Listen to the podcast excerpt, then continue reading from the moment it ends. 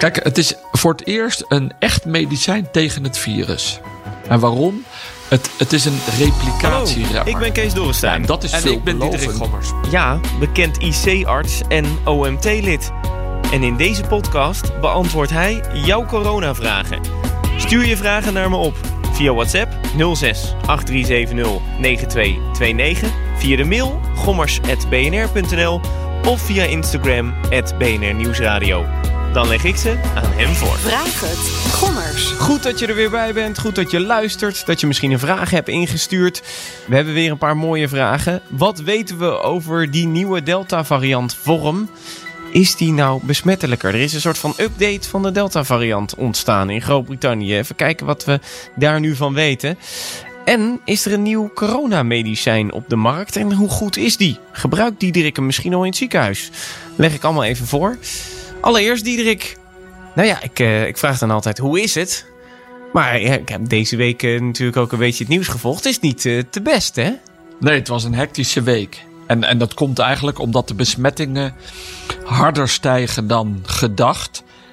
En we zien ook al langzaam een stijging op de intensive care. En die is eigenlijk ook veel hoger dan in de voorspellingen van eh, de RIVM, van de modelleurs van 8 maart. Toen hadden we nog het idee dat de piek met COVID eh, op de IC 180 patiënten in half januari. En vandaag zitten we op 174. Ja, dat is nog zes van de piek die we verwacht hebben. Ja. Dus er gaat, er gebeurt iets wat we eigenlijk niet voorspeld hebben. En dat, ja, dat maakt ons een beetje zenuwachtig. Ja, wat, hoe hoog kan die piek dan nu worden in januari? Dat is, januari is een beetje hoog, hoogtepunt winter, hè? Nou, dat was het idee dat dat de mediaan was. Hè, dus de, de, de gemiddelde voorspelling. Maar daar zit natuurlijk een onzekerheid op. En in die onzekerheid zou het ook wel eens 400 tot 600 kunnen worden. Ja, en daar. Nu, in die, als je die grafiek volgt, zitten we nu aan de bovenkant van die onzekerheid. Ja, als we dat blijven volgen, ja, dan gaan we. Ja, 400, 500, 600, wie zal het zeggen? Dat is natuurlijk heel, af, heel belangrijk waarom dit gebeurt. Het idee is nu, hè, bedoel, het vaccin werkt minder goed om besmettingen tegen te gaan. Dus je wordt wel geïnfecteerd en je bent besmettelijk. Het werkt nog heel goed eh, tegen ziekenhuisopnames. Dus we zien nu vooral een toename van mensen die ongevaccineerd zijn. En dat zie je vooral. Hè, eerst was dat de Bijbelbelt afgelopen weekend. Dus we zagen meer patiënten naar Zwolle komen. Ehm, ook hier in Zuid-Holland-Zuid, dus Dordrecht en dergelijke. Ehm, maar nu zie je eigenlijk vooral een toename in de grote steden. Dus Den Haag, Rotterdam en Amsterdam. En daar zie je gewoon in bepaalde wijken dat er een lage vaccinatiegraad is. Dus dat betekent dus als je heel veel mensen hebt die gevaccineerd zijn, maar wel besmettelijk, dan lopen die mensen die niet gevaccineerd zijn meer risico om het virus op te lopen. En van hun gaat een klein aantal naar het ziekenhuis en naar de intensive care. En het lijkt wel dat dat, dat waars, meest waarschijnlijke is wat er op dit moment eh, speelt. Dat in die wijken, ja, want in Rotterdam is de vaccinatiegraad, eh, waar we hier ook zijn in Rotterdam, niet al, al te hoog, hè? Nee, dat, als ik het goed zeg, is dat onder de 60%. Tussen de 55 en de 60%. Dus, dus jij kan het nog heel druk krijgen hier. ja, dat, dat eh, risico hebben we. Ja, nou, inderdaad. Nee, dat is, dat is pittig. Ja, Ehm, zullen we maar gewoon wat vragen doen dan? Want Absoluut. Het, het feit dat het weer slechter gaat wat betreft de cijfers, dat zie je dan ook weer terug in dat er veel vragen binnenkomen. Yvonne, die ehm, zei: Ik wil gewoon even beginnen met een stuk uit de New York Times. Waarin veel artsen en deskundigen zeggen dat je als je corona hebt gehad, je vaak niet altijd, maar wel vaak goed beschermd bent. Omdat je natuurlijke antistoffen hebt aangemaakt. Maar eh, als je dan een prik met een vaccin neemt, dat je vervolgens veel beter beschermd bent. Hoe zit dat en moeten we daar eigenlijk niet meer aandacht voor hebben in Nederland? Ik hoor dit verhaal wat, eh, wat te weinig. Ja, ze heeft ook absoluut gelijk. Ehm, we weten dat als je corona hebt gehad, dat als je gezond bent, maak je goede antistoffen. En bouw je een natuurlijke afweer. En die bestaat uit antistoffen. En je hebt ook nog dat cellulaire afweer. Um, maar wat we ook weten, is dat het soms verschillend is bij mensen. Want als je milde klachten hebt van COVID, bouw je soms niet altijd een hoge concentratie antistoffen op. En terwijl mensen die heel ziek geweest zijn, doen dat iets meer. Maar dat is ook weer verschillend tussen mensen. Maar wat we vooral gezien hebben, dat dit vaccin heel goed is om extra antistoffen aan te maken. En dat is eigenlijk altijd bij een virusinfectie. Je wordt een keer ziek met griep. En dan kom je weer iemand tegen met griep. Dan word je milder ziek. Maar je maakt wel weer meer antistoffen. En dat is dus ook met COVID. Dus als je COVID hebt gehad, heb je natuurlijke afweer. En als je dan nog één prik met een vaccin doet, dan worden die antistoffen extra gestimuleerd. En dan zit je eigenlijk denken we maximaal in je antistoffen. En dat hebben we al vaker besproken. Dat is belangrijk bij die Delta-variant. Dus het is de ideale combinatie. Dus, uh, dus ook een beetje wat die artsen zeggen. Je, omdat je het al hebt gehad, reageer je waarschijnlijk ook wat minder op het vaccin. Um, en vervolgens maak je dan um, weer een extra stoot antistoffen aan, waardoor je eigenlijk een soort van de perfecte combinatie hebt. Ja, ik begrijp niet helemaal wat je zegt met dan reageer je minder op het vaccin, want het vaccin maakt het eiwit. Ja. En op dat eiwit maak je antistoffen. Ik bedoel dat je minder bijwerkingen krijgt van het vaccin. Ja, dat zou eventueel kunnen. Ja, omdat je namelijk al corona hebt gehad. Dus dat ja, je... maar het is ook wel weer lastig, hè? want de bijwerkingen zijn natuurlijk de antistoffen die dan soms uh, ook reageren op je bloedplaatjes. Als je zeg maar die trombusvorming krijgt. Ja, dat wordt dat wordt natuurlijk niet minder. Die antistoffen die passen op je bloedplaatjes of niet. Mm -hmm. Dat wordt niet anders omdat je. Nee, precies. Dus uh, op het moment dat je het hebt gehad en, en, en je wil een boost, dan kan dat ene vaccin dus helpen. Dat, dat zeggen ze. En Yvonne zegt in ieder geval. Um, hier gaat het vaak een beetje of, of je hebt het gehad of je hebt het vaccin gekregen. Maar zij zei, dit artikel vond ik erg interessant. Wil je hem lezen? New York Times. En moet je gewoon even zoeken op If you've had COVID, do you need the vaccine? Nou, dat is de kop. En dan kan je vinden, het is een heel lang uitgebreid artikel waar heel veel mensen aan het woord komen met allemaal visies. En dan kan je daar jouw eigen mening uit vormen. Um, dan uh, de eerste reeks vragen. Wil, die zegt, wat weten we nu over die nieuwe coronavariant AY 4.2? De, de soort van de nieuwe Delta variant. Ja, nou die is nu gesignaleerd in, um, in Engeland, in de UK. Um, en we noemen hem, dat is eigenlijk een kleine aanpassing op die Delta variant. Ze noemen hem daarom ook wel de Delta Plus. Um, hij komt in Engeland nu ongeveer 6% voor uh, bij de besmettingen. Want in Engeland uh, hebben ze een hele goede sequencing. Dus alle virussen worden gelijk heel goed nagekeken. Ze hebben een heel mooi systeem. Dat hebben we in, helaas in Nederland niet zo opgebouwd. Um, en, maar er is nog weinig bekend. Dus eh, er wordt gezegd dat hij mogelijk besmettelijker is. Maar er zijn geen aanwijzingen dat je er meer ziek van wordt of dat je meer naar het ziekenhuis komt. Maar ze zeggen dan ook wel eigenlijk ontbreekt nog goede data. Um, dus ja, hij is er in Engeland. Ja, dan zal hij mogelijk ook wel naar Nederland komen. Uh, vanochtend uh, zei Aura Tiemen is dat we de volgende keer in het OMT uh, daarover zullen praten. maar in, in Nederland is is er nog niet veel aanwijzingen dat hij echt een rol speelt. Um, en, en we moeten dus even afwachten dat we er meer van weten en of dit een probleem gaat worden. Ja, want ik denk ook, de besmettingen zijn nu aan het stijgen, ook in Groot-Brittannië. Kan dat juist dan niet komen door de Delta Plus variant? Ja, maar wat ik net zeg, hij komt pas 6% voor. Dus het grootste aantal besmettingen komt nog steeds van de klassieke Delta-variant, ook in Engeland. En hoeveel procent hebben we ervan in Nederland? Weten we dat? Nou, dat moet laag, nou, weet ik niet precies. Maar ik denk dat dat pas 1 of enkele procenten is. Als Engeland 6 heeft, dan zitten wij Lager vaak. Echt, echt ja. in de buurt van de 1 misschien.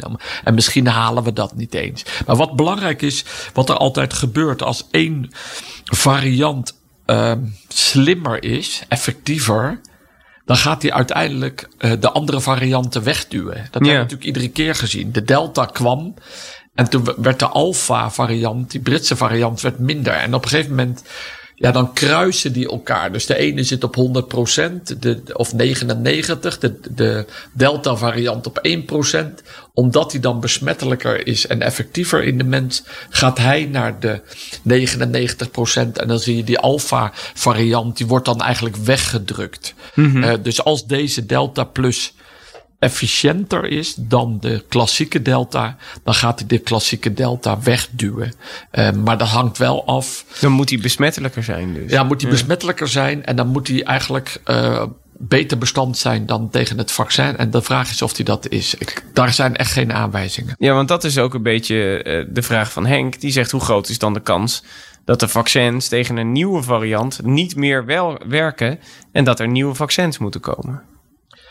Ja, dat is heel onduidelijk. Want dat kan je ook eigenlijk niet goed voorspellen. Mm -hmm. Je kunt alleen uh, uh, zien of die voldoende antistoffen maakt, zo'n vaccin. En als die nieuwe Delta variant plus daar niet gevoelig is voor die antistoffen, ja, dan word je er zieker van. Maar er is ook nog zoiets als die cellulaire afweer.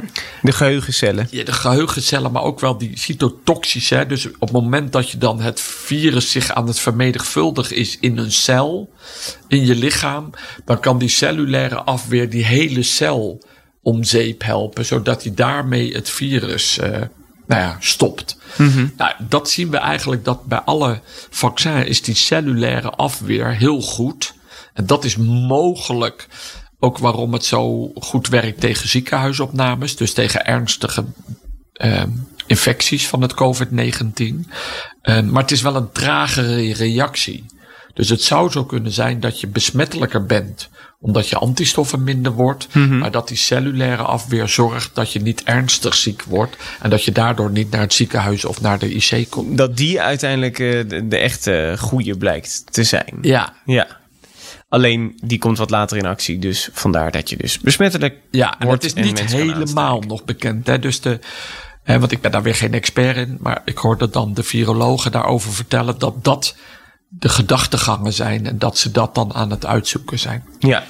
Uh, Jan die zegt, het UMC Maastricht meldde deze week dat van de tien nieuwe coronapatiënten die op de afdeling lagen, er negen waren gevaccineerd. Eén van deze patiënten lag ook op de IC. Het ging wel allemaal om 80-plussers.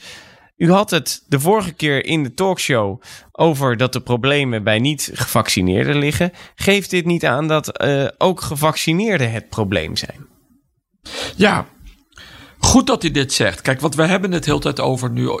Iedereen moet zich vaccineren. Maar we weten ook dat het vaccin, en zeker bij de mensen die het al langer dan zes maanden gehad hebben, dat je een verminderde activiteit of effectiviteit krijgt. Of hè, verminderde bescherming. Ja. Dat, dat kennen we van vaccins. In de loop van de tijd worden ze wat minder effectief. Um, en daarom ligt ook die derde prik klaar op de plank. Als dat zo het geval is, daarvoor zou je die mensen dan een derde prik geven. En dat doe je vooral bij mensen die nou ja, al minder gereageerd hebben op de twee prikken of op de één prik van Janssen. Maar de ouderen hebben nu in januari, februari de vaccins gehad. Dus er komt nu wel het moment dat we die zes maanden voorbij zijn. En dat houdt de RIVM heel goed in de gaten. Zien we nu of die uh, verminderde effectiviteit als je al langer twee prikken hebt gehad of dat nu optreedt. Nou, dat is een moeilijke discussie, want we zien het wel eigenlijk dat je wat besmettelijker wordt. Mm -hmm. Dus dan kan je zeggen, ja, het vaccin werkt mogelijk al ietsje minder. Maar hij werkt beschermt nog wel heel goed tegen ziekenhuisopnames. En het gaat om dat laatste. Dus ja, dan wordt door de RIVM continu gemeten en gekeken wie komt er dan op de intensive care. En zijn dat volledig gevaccineerde mensen? En mm -hmm. wie zijn dat dan? En dan wordt daar een keuze op gemaakt om die, die derde prik, die boosterprik, uh, te gaan geven aan die mensen. Ja, maar en zie je dan hier ook in het ziekenhuis dat bijvoorbeeld 80-plussers zich wat vaker beginnen te melden die gevaccineerd zijn? Nee, niet in onze IC, maar Ja, dat kan volgende week weer anders zijn. Ja, maar dat is dus op het moment dat je dan dit hoort vanuit Maastricht, is het dan nu niet al het moment om die boosterprik aan die groep Nee, te maar gaan het ging geven? over 1% op de intensive care. Ja, maar Wel wel op de- 1% en de- ga je geen. Nee, de rest wel in het ziekenhuis natuurlijk. Ja, maar dat is wel. Oké, maar dat moet je goed in de gaten houden. Snap Hmm. je? Daarom is uiteindelijk nu de, de data van de NICE, hè, dus die IC-opnames, heel goed gekoppeld met de RIVM, met de Ja. vaccinatie. En dat, daarom hou je het op die manier goed in de gaten. Ehm, wat belangrijk is, is natuurlijk ook, is dat je eh, altijd mensen hebt met een onderliggende ziekte. ehm, die dubbel gevaccineerd is, die minder antistoffen. Want dat is eigenlijk wat we het meeste zien. Ja. Dus wij, de mensen die wij in Rotterdam zien, hebben vaak een niertransplantatie of een andere ziekte. Wel gevaccineerd, maar eigenlijk wisten we dat ze weinig of geen Ja. antistoffen aanmaken. En dat doen we ook. Dus op, mensen, op het moment dat mensen nu eh, gevaccineerd in het ziekenhuis komen, dan nemen we een beetje bloed af en dan kijken we of die mensen antistoffen hebben. Mhm. En als ze dan geen antistoffen hebben, dan geven we die cocktail van antistoffen die in, het, Ja. in de fabriek gemaakt zijn of in het Precies, dat nieuwe medicijn inderdaad. Ja. Die, die, die, die eh, Donald Trump toen ook heeft gehad. ja, Ehm, en, dat, en dan zie je die mensen vaak heel snel opknappen. precies. Dus het kan ook zo zijn dat deze eh 10, 80-plussers, eh, waarvan er één op de IC kwam. Kijk, als je 80 bent, dan heb je vaak al wel wat. Nou ja, we weten van de ouderen dat je soms minder goed antistoffen aanmaakt. En dat die antistoffen ook Mhm. Afnemen, sneller gaan ja. dalen dan bij jongere mensen. En daarom meten we ook bij die groep, als, als ze op de gewone afdeling met COVID komen, meten we ook de antistoffen. Ja. En Vooral bij diegenen die dus volledig gevaccineerd zijn. Om hier dan op verder te gaan, eh, Veronique en Carla die zeggen: is het dan nu wel het moment om 60 tot 65-plussers een boostervaccin te geven? Want zij hebben AstraZeneca gekregen. Dat hebben ook de meeste mensen in Groot-Brittannië gekregen. En daar zie je nu de besmettingen oplopen. Dus zij de- denken een beetje van ja, AstraZeneca is minder goed qua bescherming dan een eh, Pfizer. Dus moeten wij dan nu niet alvast een boostervaccin krijgen? Ja, logische opmerking. De AstraZeneca was vooral minder goed tegen het krijgen van COVID-achtige klachten. Hè? Dus die besmettingen. Het was wel heel goed om niet naar het ziekenhuis te gaan. We, we hebben die aanwijzingen op het moment niet in Nederland. Maar ik ben het wel met haar eens dat uit, uit Engeland, die lopen iets voor. En bij de AstraZeneca is het nog niet zo duidelijk. Daar zien ze het wel na één prik Janssen. Dat je dan ehm, eigenlijk liever een booster wil hebben. Dat gebeurt nu in ehm, Engeland.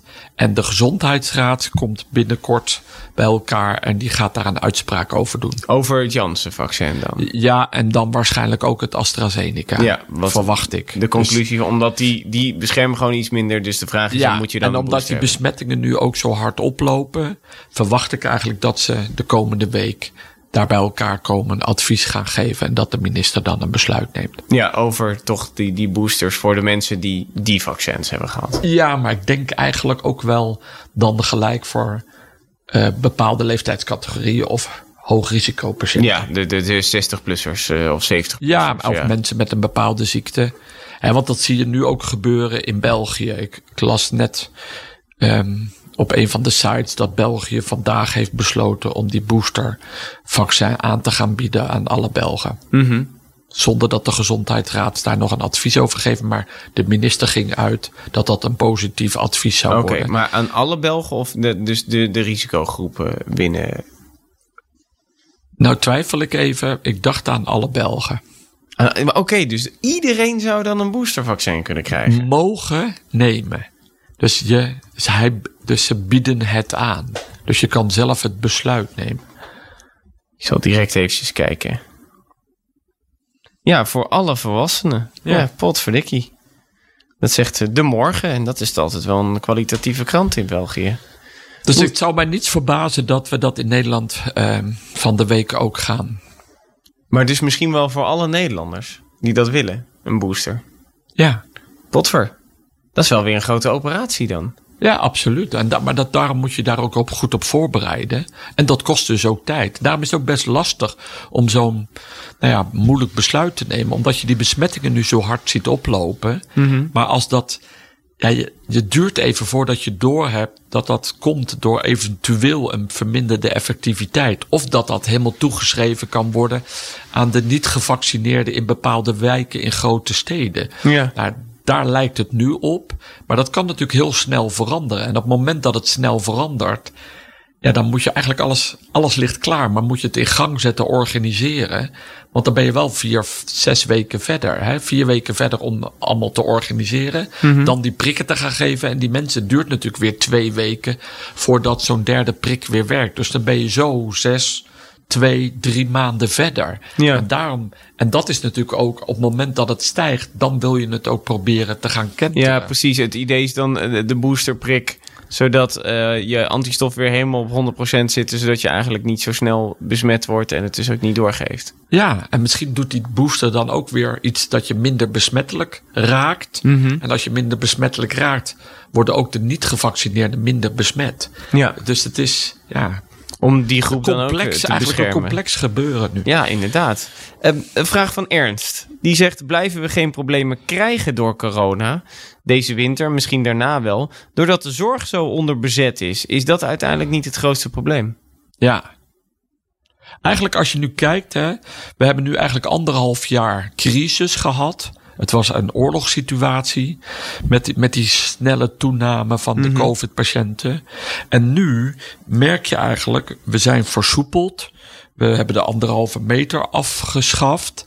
Ehm, maar, het, maar het virus is er nog steeds. En nou ja, kan zich in de winter blijkbaar makkelijk verspreiden. Je kan ook zeggen, ja, als al die mensen die niet gevaccineerd zijn in die bepaalde grote steden het virus krijgen, ontstaat er natuurlijk ook een natuurlijke immuniteit. Ja. Ehm, en op het moment dat je natuurlijke immuniteit hebt, stopt dat op een gegeven moment ook. Die mensen kunnen dan ook weer voor een tijd niet ziek worden. Ja.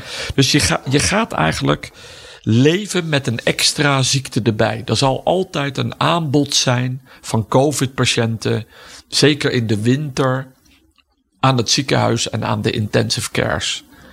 En eigenlijk wil je de gewone zorg ook door laten gaan. En als Ja. ik dan even spreek voor de IC. We hebben 950 bedden.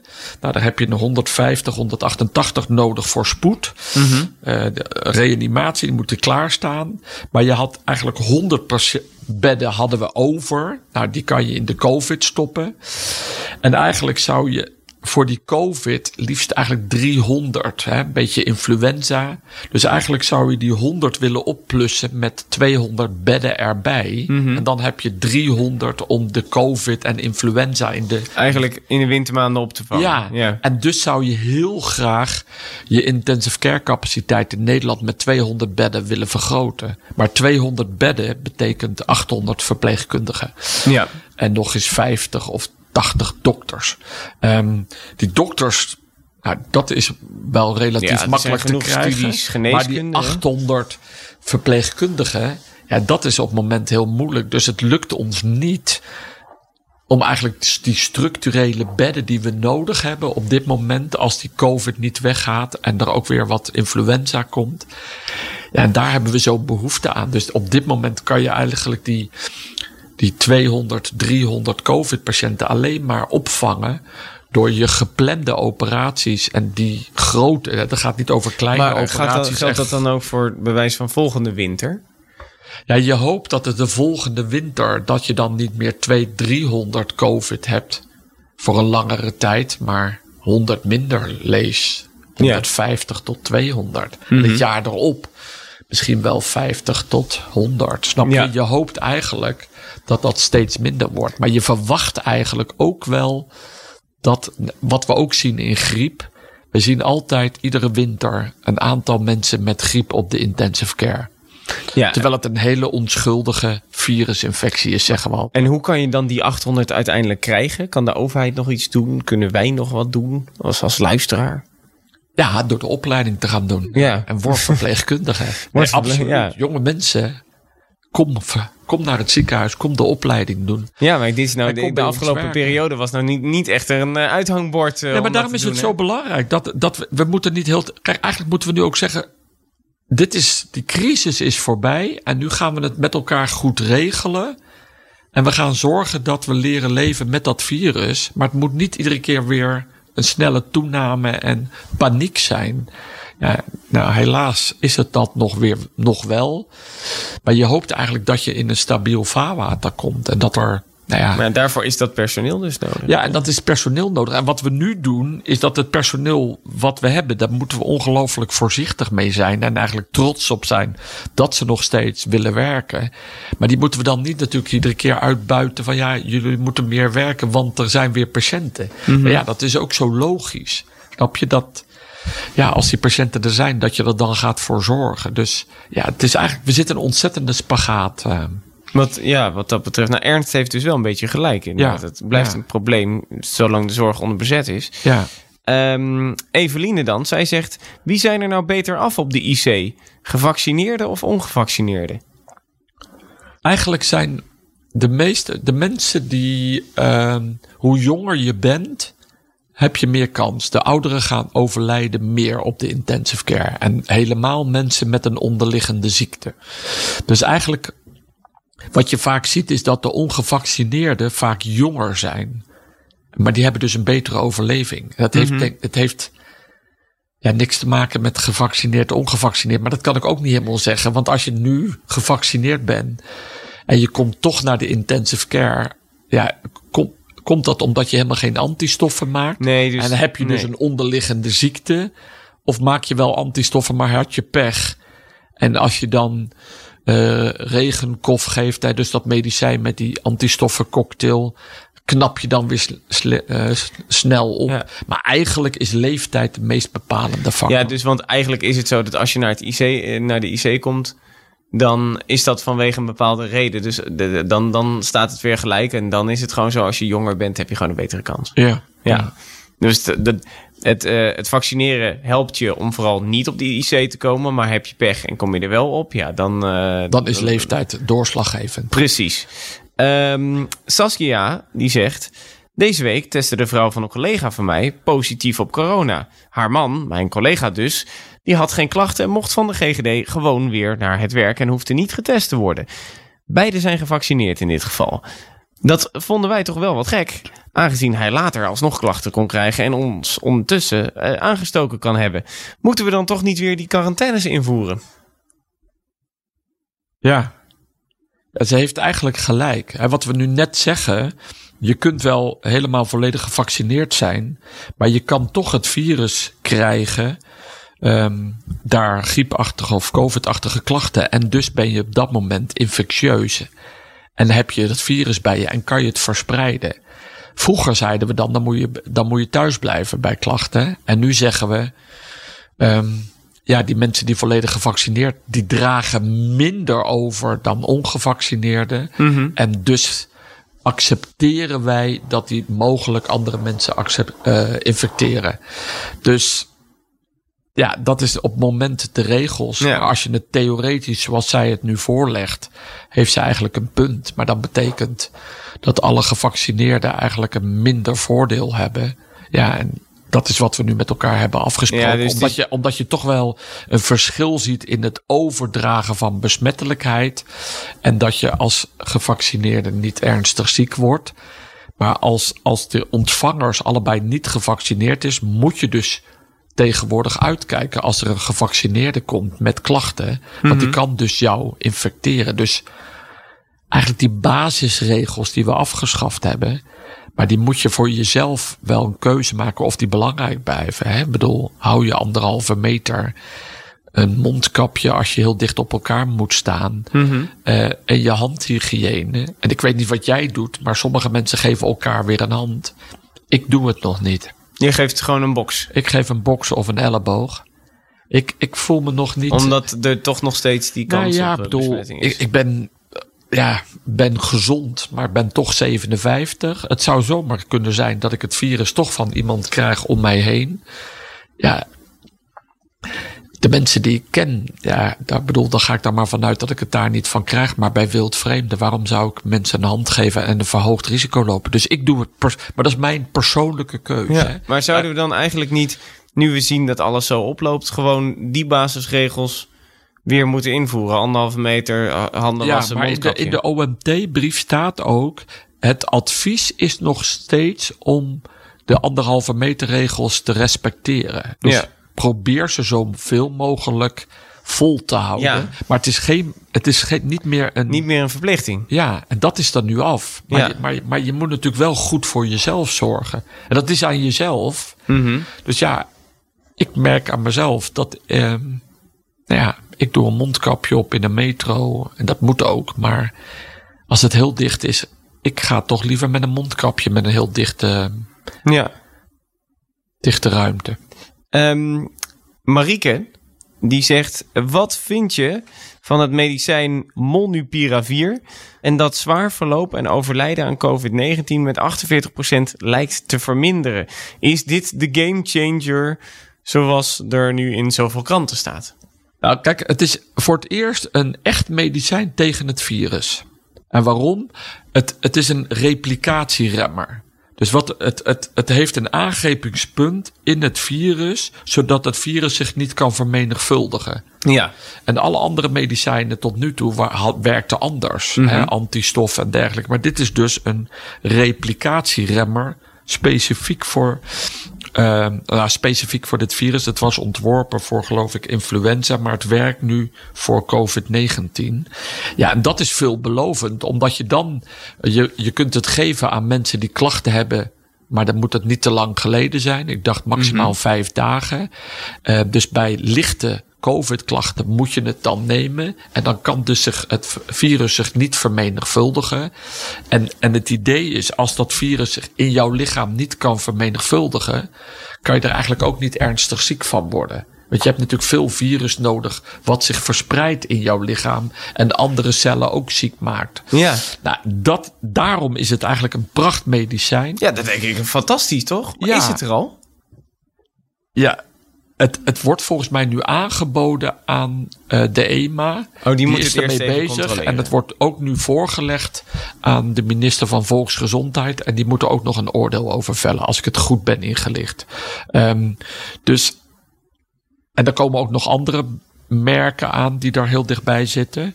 Dus ja, het zou best wel eens een game changer kunnen zijn. Dat, ja, dat je dat sneller kan nemen als je lichte klachten hebt. Mhm. Nou, als dat zo zou zijn, ik zou helemaal blij worden. Want Maar- dat betekent ook dat je die mensen niet meer in de ziekenhuizen en Nee, precies. Maar dan zou je het eigenlijk na een GGD-test, een positieve test, zou je naar de apotheek moeten om dit dan te halen. Nou ja, eigenlijk veel eerder. Ik bedoel, als je dan COVID-achtige klachten krijgt. Nou ja, we zullen zien hoor, want ik, daar ben ik niet bij betrokken. Mhm. Of je nou echt dat moet vaststellen. Of dat je gewoon zegt, ik neem dat medicijn. Dat weet ik eigenlijk niet. Je kan ook zeggen, als je. COVID-achtige klachten hebt, neem je het gelijk. Ja. Want dan word je er misschien niet ziek van. Maar misschien is het heel duur. Ja, en, je moet er de en- is het niet zo goed bekijken. beschikbaar dat, dat, dat men gaat adviseren.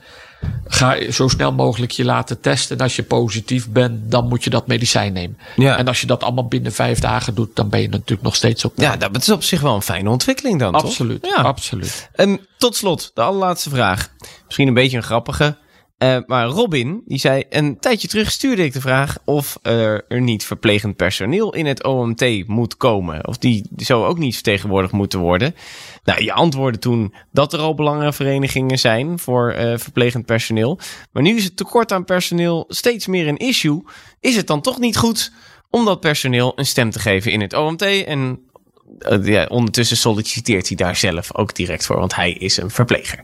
Maar hij zegt voor, hij wil vooral weten of het toch niet goed is nu er zo'n tekort is dat je de verplegers een stem geeft daarin.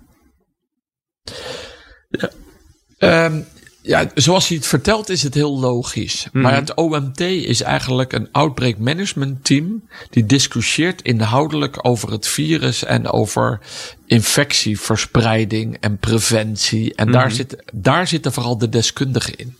Ehm, en, en dus niet zozeer over de effecten eh, wat het allemaal teweeg brengt. Want dan zou je ook kunnen zeggen, er moeten horeca mensen in. Want de horeca moet af en toe dicht. Of, Ja. En economen, wat, wat doet het voor de economie? ja, Maar dat is eigenlijk een advies wat buiten het OMT. Dus OMT gaat vooral over hè, de uitbraak, de gevolgen, het virus.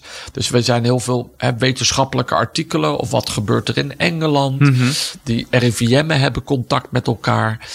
Um, nou, die modelleurs zijn daar met elkaar. Maar het wordt heel erg medisch gesproken over nou ja, de aspecten van die. Ja, en niet van zozeer die de. En niet zozeer dingen. Maar van, uh, vandaag gaf ik heel duidelijk aan. Heb ik heel duidelijk uitgelegd. Doordat we zoveel personeelstekort hebben. Wat de grenzen zijn van de intensive care. En of ze daar rekening mee willen houden in hun maatregelen, snap je? Want ik heb vandaag gezegd, als je heel eerlijk bent, Mhm. liggen er nu vandaag 175 patiënten met COVID op de IC.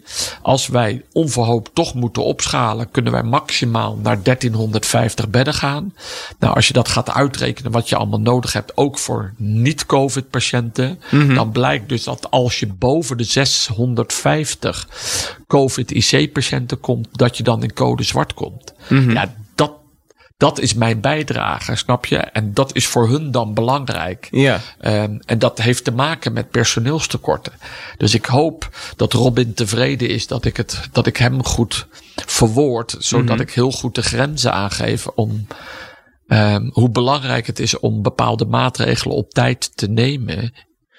Um, zodat die IC's niet overlopen en nooit in code zwart terechtkomen. Nou ja, eh, bij deze Robin, eh, slim geprobeerd. Maar helaas, er is geen vacature op dit moment. Maar er zijn dus wel verenigingen die erover gaan. En eh Diederik kaart het dus ook aan. En Robin die stuurt lieve appjes vaak over de podcast. Dus ik ga ervan uit dat hij dit oké vindt. Maar dat hij het leuk vond om gewoon toch nog een keer eventjes de vraag te stellen. Ja, maar hij heeft wel een punt. Ja, precies. Nou, heb jij zelf een vraag zoals Robin of zoals de anderen? Je kan hem mailen naar gommers.bnr.nl of stuur hem naar het telefoonnummer dat je hoort aan het begin van deze podcast. Kan je gewoon een appje sturen. Ik heb WhatsApp, dan komt hij op mijn telefoon en dan zet ik hem op de lijst. En vergeet niet te abonneren, want dan krijg je direct een melding wanneer de volgende podcast er is. Blijf je helemaal op de hoogte. Zeker met al deze stijgende besmettingen is het toch wel aan te raden om eventjes goed te weten wat er speelt, uh, lijkt mij zo. Tot de volgende keer. Diederik, ook tot de volgende keer. Ja, hoi. Hopen dat het dan wat beter is. Maar ja, uh, vertraging niet twee de weken. verwachting. Nee, We is niet verwachten de, de, komende weken um, een verdere toename. Ja. Van, van ziekenhuisopnames als IC-opnames. Maar verwacht je de komende weken dan ook leuke podcast? Moet je even ja zeggen. Ja. Ja, precies. Yes, helemaal goed. Nou, bij deze is het gefixt. Tot volgende week.